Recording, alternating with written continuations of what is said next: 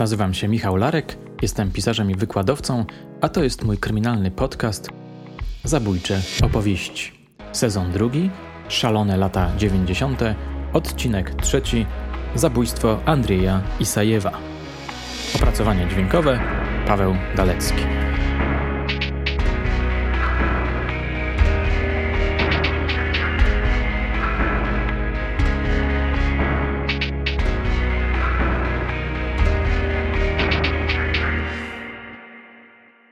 Tej sprawy nie mogłem pominąć, planując drugi sezon zabójczych opowieści, poświęcony szalonym latom 90.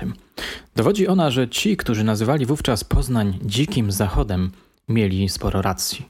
Dochodziło w nim przecież do spektakularnych przestępstw, także zabójstw. Krzyżowały się tutaj niekiedy krwawo różne ogólnopolskie interesy. Powstawały tu na przemycie wielkie fortuny, mieszkali brutalni gangsterzy. To wreszcie w Poznaniu zaginął młody dziennikarz Jarosław Ziętara, który najprawdopodobniej został zamordowany przez kogoś współświadka. O jakiej sprawie mówię? O zabójstwie Andrzeja Isajewa, pseudonim malowany, rosyjskim gangsterze. Historia ta, co prawda, została ostatnio przypomniana przez Filipa z kanału Mafia.pl w ciekawym filmie, ale dzięki rozmowom z policjantami, którzy brali udział w śledztwie, dorzucę trochę nowego materiału. Na marginesie dodam, że według moich źródeł wiele informacji krążących w sieci na temat tej sprawy jest błędnych. Przyznam, że to mnie wcale nie dziwi. To strasznie poplątana, niejasna sprawa. Podobno pewien dziennikarz, usłyszawszy skomplikowaną relację jednego z policjantów, stwierdził, że podaruje sobie artykuł na jej temat. Co więcej, nie o wszystkim można mówić i pisać. Przygotowałem też niespodziankę. Otóż specjalnie dla Was zorganizowałem w ramach mojego wykładu Kryminalna historia Poznania spotkanie z funkcjonariuszem, który pracował nad wykryciem sprawców i nagrałem jego pasjonującą opowieść. W niniejszym podcaście wykorzystuję kilka fragmentów jego wspomnień. Znajomy policjant na jednym ze spotkań powiedział mi, że prokurator, który zajmował się tą sprawą, mieszkał w okolicy, na której doszło do zabójstwa. Moja literacka wyobraźnia natychmiast zadziałała. Wyobraziłem sobie pierwsze sceny filmu opowiadającego o śledztwie. Widzimy mężczyznę, który wchodzi do kuchni, nastawia czajnik, zaczyna przygotowywać sobie sznytki. W pewnym momencie słyszy jakieś poruszenie na zewnątrz. Ignoruje je. Jest po pracy, zmęczony, chce odpocząć, coś przekąsić. Zalewa kawę sypaną, wdychając jej intensywny aromat. Cieszy się na spokojny wieczór spędzony przed telewizorem. Chwyta talerzyk i szklankę. Wtedy znowu dochodzą go jakieś odgłosy z ulicy, tym razem głośniejsze. W końcu rozlega się sygnał policyjnej syreny. Marszczy brwi, odkłada kawę i kanapki. Wychodzi z mieszkania. Cięcie. Teraz widzimy, jak schodzi w brązowych laczkach po drewnianych schodach.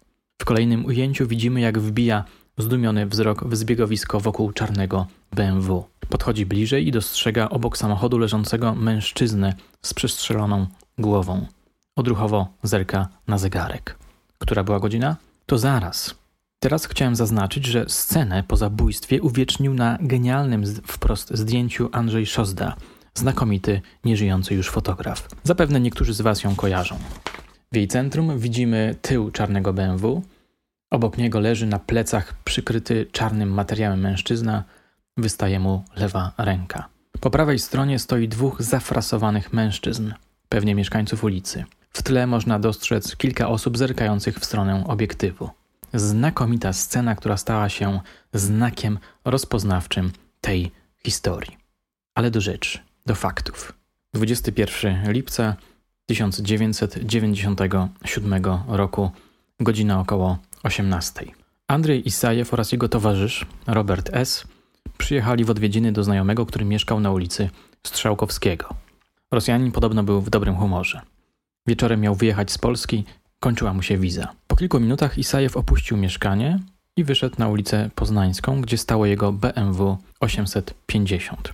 Wkrótce potem dołączył do niego Robert S. Około 19 z samochodu marki Mercedes wysiadło dwóch młodych mężczyzn. Ruszyli w stronę Isajewa i jego towarzysza, którzy stali przy BMW. W pewnym momencie jeden z nich wyciągnął broń palną i strzelił Rosjaninowi prosto w głowę. Jedna kula trafiła także w pierś Roberta S. Ten rzucił się do ucieczki w stronę ulicy Mickiewicza. Wówczas drugi z mężczyzn wyciągnął swoją broń i oddał w stronę uciekającego osiem strzałów. S padł na wysokości posesji oznaczonej numerami 34-36. Sprawca podszedł do leżącego i upewnił się, że ten nie żyje. Po egzekucji mordercy skręcili w ulicę Kochanowskiego. Gdy byli na wysokości komendy wojewódzkiej, podjechał do nich Mercedes. Wsiedli do auta, które błyskawicznie oddaliło się z miejsca zdarzenia. Ten obraz sytuacji ustalono oczywiście dopiero po jakimś czasie dzięki podjętym czynnościom operacyjnym. Spójrzmy więc teraz na ową sytuację oczami policjanta, który został wezwany na miejsce zbrodni. Oddaję głos Karolowi Hirszowi, który brał udział w śledztwie z ramienia komendy wojewódzkiej. Jak to się zaczęło? Zapytałem go. Zaczęło się bardzo prosto. Zadzwonił oficer dyżurny i powiedział, że leci, leży królik na ulicy i, i ma y, przestrzeloną główkę. No i chodziło tylko konkretnie o to, żeby ustalić, kto to jest. No, oczywiście to mówię żartobliwie. Y, było to bardzo y, spektakularne zabójstwo, praktycznie pod komendą wojewódzką policji w Poznaniu, bo to było na ulicy Poznańskiej, a jak znacie Poznań, to mniej więcej wiecie, jak to wygląda. Bo to było przy samym narożniku, gdzie praktycznie z tyłu są nasze garaże i wyjeżdżamy samochodami służbowymi. Także musimy, tam jest jeden kierunek, więc trzeba niestety koło tego yy, miejsca było przejechać. Ale tego się sprawcy nie bali, zrobili to, co trzeba. Ale wracając do samej sytuacji. Yy, nikt oczywiście tego yy, faceta, który leżał, nie znał. To był facet, który, który się okazało później, to typowo nasza praca operacyjna. Polegała to na tym, że trzeba było ustalić w ogóle, kto to jest. Mając y, paszport, wiedzieliśmy, że to jest y, Rosjanin. Czyli pierwsze nasze jak gdyby y, działania to były mm, skąd on się wziął i co tu robił. Okazało się, że, że przyjechał sobie na rekonesans do Poznania jakieś trzy tygodnie mm, wcześniej. Wynajął dom w Baranowie pod Poznaniem i tam miał ze sobą, teraz nie pamiętam, trzech albo czterech Y, swoich pomagierów, jakichś tam Rusków. I do tego jeszcze był, była jedna pani, y, z, z, która miała y, paszport izraelski. A jeszcze powiem przy tym, że jak było dokonywane przeszukanie, to miała w środku w torebce legitymację Mossadu. Do czego nawiążę później, z uwagi na to, że chodziło konkretnie o to, ile służb się mieszało w tym małym poznańskim galimatiasie, jaki tutaj się wytworzył.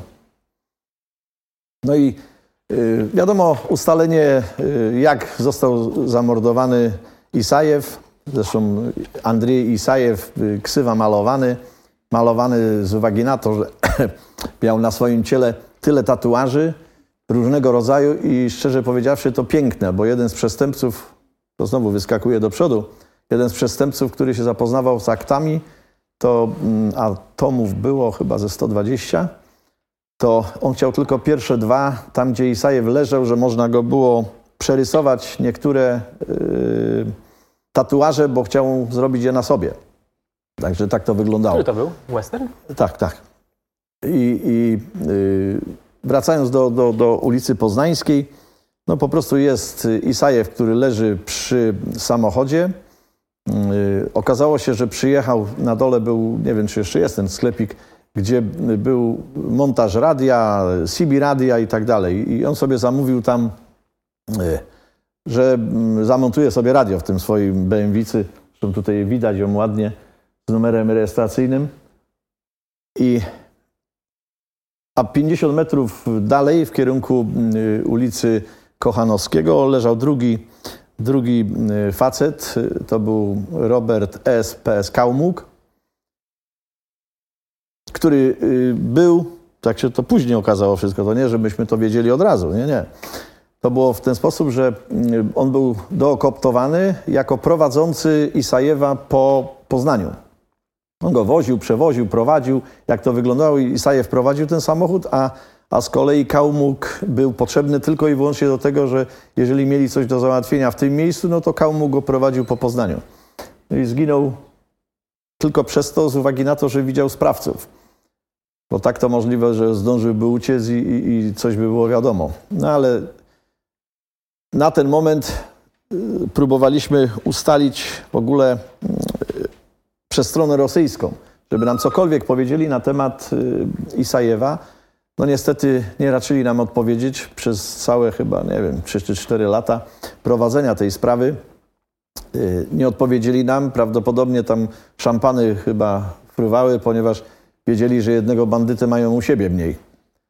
A z kolei y, potem się okazało, że wszystkie informacje, które, które były y, w mediach, w internecie, które są do dnia dzisiejszego zresztą, były podyktowane tym, że ktoś ściągnął czy przetłumaczyli jakąś y, książkę, między innymi o mafii rosyjskiej i tam był wkomponowany w to Isajew jako, jako jeden z guru mafii rosyjskiej. Ale teraz wracamy na podwórko nasze, gdzie praktycznie nie było wiadomo od czego zacząć. Wiadomo było tylko jedno, że Kałmuk y, z jakiej grupy przestępczej pochodzi z Poznania. I trzeba było się w chwili obecnej na, na, na wyścigi zająć właśnie y, tą grupą. Z uwagi na to, że y, nic nie wiedzieliśmy na temat, dlaczego to nastąpiło. No bo podobno, mm, jak potem z tej książki wynikało, dwa czy trzy razy tam zamachy na Isajewa były, ale jakoś mu się udawało. A w Poznaniu przyjechał i myślał, że tak pewnie będzie i tak dalej. Jedna z gazet skonkludowała. Czwarty zamach powiódł się. Jacek Kaźmierczak na łamach Głosu Wielkopolskiego pisał Rosjanina próbowano wcześniej zabić przynajmniej trzykrotnie. Mimo odniesienia poważnych ran przeżył postrzelenie przez snajpera i podłożenie bomby pod jego samochód w Moskwie. W świecie przestępczym uważano, że ma wielkie szczęście, dlatego po zamachu w Poznaniu jego koledzy nie dowierzali, że Isajew zginął. Po publikacji reportażu o zabójstwie na Poznańskiej dzwonili do mnie kilkakrotnie, dopytując szczegółowo innymi jak wyglądał zabity i na jakie nazwisko miał paszport. Zwracam Waszą uwagę, że teraz Hirsch wprowadzi wątek holenderski do swojej opowieści. Wkrótce więc będziemy mogli uprzytomnić sobie, że w Poznaniu rzeczywiście krzyżowały się interesy różnych zagranicznych grup przestępczych Rosja, Izrael, Holandia. Okazało się, że w Holandii zamieszkał parę lat wcześniej. Zamieszkał parę lat wcześniej y, facet, też Rosjanin, ale pochodzenia izraelskiego. Mogę powiedzieć imię i nazwisko z uwagi na to, że już nie żyje. Był to Wadim y, Rosenbaum, typowo ruskie nazwisko. I on z kolei wywiózł z Rosji bardzo dużą ilość pieniędzy. Te pieniądze pochodziły z przestępstw, nie wiadomo przez kogo, dokonanych. W każdym razie on został jak gdyby rezydentem w Holandii. Yy, przyjechał sobie tam, kupił dużą panderozę gdzieś pod Amsterdamem i do tego zakupił yy, kilkanaście tirów. Wszystkie tiry były koloru zielonego. I do tego kupił 8 czy 10 y, BMWic, takich jak tutaj miał Isajew. I wszystkie były równe, i wszystkie były zielone. No, lubił ten kolor, to kolor nadziei, więc prawdopodobnie sobie to tak wymyślił. No i firmę sobie stworzył, która się nazywała Lorit Trade. I można powiedzieć, że praktycznie przemycali wszystko i wszędzie od kalasza do kanarka. On od, od, czasu do czasu wyjeżdżał też do Izraela, bo tam ja nie wiem, czy rodzinę, czy coś, ale w każdym razie tam sobie przyjeżdżał. Po zabójstwie Isajewa, dwa dni później, przepraszam, tydzień później, bo 28 właśnie ten, ten y, y, Wadim Rosenbaum został zastrzelony u siebie na tej Panderozie. On wrócił z Izraela, położył się spać, zmęczony. Sprawca wszedł na pierwsze piętro właściwie po takiej cienkiej rurce, jak małpka prawdopodobnie do góry się wspiął i Rosenbauna y, przez poduszkę z przyłożenia przestrzelił mu tam parę razy główkę. Na ten czas y, nie można było jeszcze wiązać tego wszystkiego, ale powiązała nas, y, powiązało nas zdarzenie, które miało miejsce y, dzień wcześniej, czyli, czyli nie 21, a 20 lipca, ponieważ w tym dniu, yy, jak się to później okazało, Isajew przejął kuriera, który przewoził właśnie taką zieloną BMW, prawdopodobnie, bo tego żeśmy nie ustalili, bo to nam ukradli, yy, i w, tych, w tej BMW była kokaina. Z uwagi na to, że jak ten samochód żeśmy odzyskali, to y, pies, który, który obwąchał cały samochód, y, stwierdził, że nie powiedział nam tego, ale zaszczekał. Kierunkowo oczywiście. I powiedział nam, że tym miejscu były narkotyki. Nie szło tego już po prostu nic wyciągnąć, było tylko wiadomo, że one tam były. I to było główną przyczyną zabójstwa Isajewa. Z uwagi na to, że on ten samochód przejął, y, a kuriera, który, który przewiózł te narkotyki z Holandii, postrzelił w udo. Przestrzelił mu po prostu udo. No i wtedy było, było się to oczywiście w Baranowie, tam gdzie mieszkali. Na dzień dzisiejszy, ja przynajmniej, ja prowadziłem to, nie byłem w stanie ustalić, skąd się Isajew dowiedział o tym, że te prochy idą. Jedno było pewne, że kanał przerzutowy był warszawski. I to była y, ekipa wołomińska. Bo wiadomo, wiecie jak tam Warszawa się dzieliła. Wołomin, Pruszków i, jeden drugiemu kaszę zaglądał, kto lepiej na czym można zarobić. No i, i to, był, to był kanał przerzutowy z y, niejakiego Ludka Adamskiego, szefa mafii wołomińskiej. Zatrzymajmy się na chwilę, żeby podkreślić jedną ważną rzecz. Dlaczego zginął Isajew? Być może dlatego, że przechwycił w brutalny sposób wołomińskie narkotyki, które Piotr M., mieszkaniec Bydgoszczy, przewoził zielonym BMW należącym do floty Rosenbauma. Zrobił to w podpoznańskim Baranowie, gdzie wynajmował dom. To przejęcie jest owiane tajemnicą do dzisiaj. Jak to się stało? Dlaczego w Baranowie? Skąd Isajew wiedział o samochodzie z narkotykami? Tego nie ustalono. Tak czy owak, policja zaczyna rozpracowywać grupę wołomińską. Ważnym tropem był Mercedes, którym zabrano zabójców z podkomendy wojewódzkiej. Samochód ten należał do wspomnianego przez Hirsza Ludka, czyli Ludwika Adamskiego. Zaczęliśmy robić podchody pod nich z uwagi na to, że y, tych, tych informacji nikt nam, ani tam wiewiórki nam nie przyniosły, tylko trzeba było sobie je wydreptać. I żeśmy je wydreptali między innymi w Warszawie poprzez to, że y, po powiązaniach Ludka Adamskiego i jego całej tej, tej grupy wołomińskiej. A kierunek był z uwagi na to, że po zabójstwie, którzy sprawcy przyjechali y, samochodem marki Mercedes, koloru popielatego chyba, czy srebrnego, bo to było bardzo ciepło w tym dniu. Także na, nawet y, ludzie, którzy widzieli ten samochód, który odjeżdżał, nie za bardzo, nie za bardzo wiedzieli, y, jaki to kolor, ale początek tablic rejestracyjnych nam podali, że to były warszawskie. Okazało się później, że żeśmy robili rozpoznanie, to się okazało, że były dwa samochody na warszawskich dechach. Jeden ten y, właśnie Ludka Adamskiego, który, który odwiózł, przywiózł sprawców i odwiózł ich w kierunku Warszawy, a z kolei drugi samochód BMW, niejakiego, no ten jeszcze żyje, to nie powiem nazwiska, ale ksywa Bandziorek, zabrał ze sobą y, innych sprawców, którzy, którzy e, byli, mieli być w razie gdyby się coś wydarzyło. Zacięłaby się spluwa czy coś takiego, to była druga, druga ekipa do wykonania wyroku. I ten samochód odjechał Kochanowskiego do góry w kierunku ulicy Dąbrowskiego.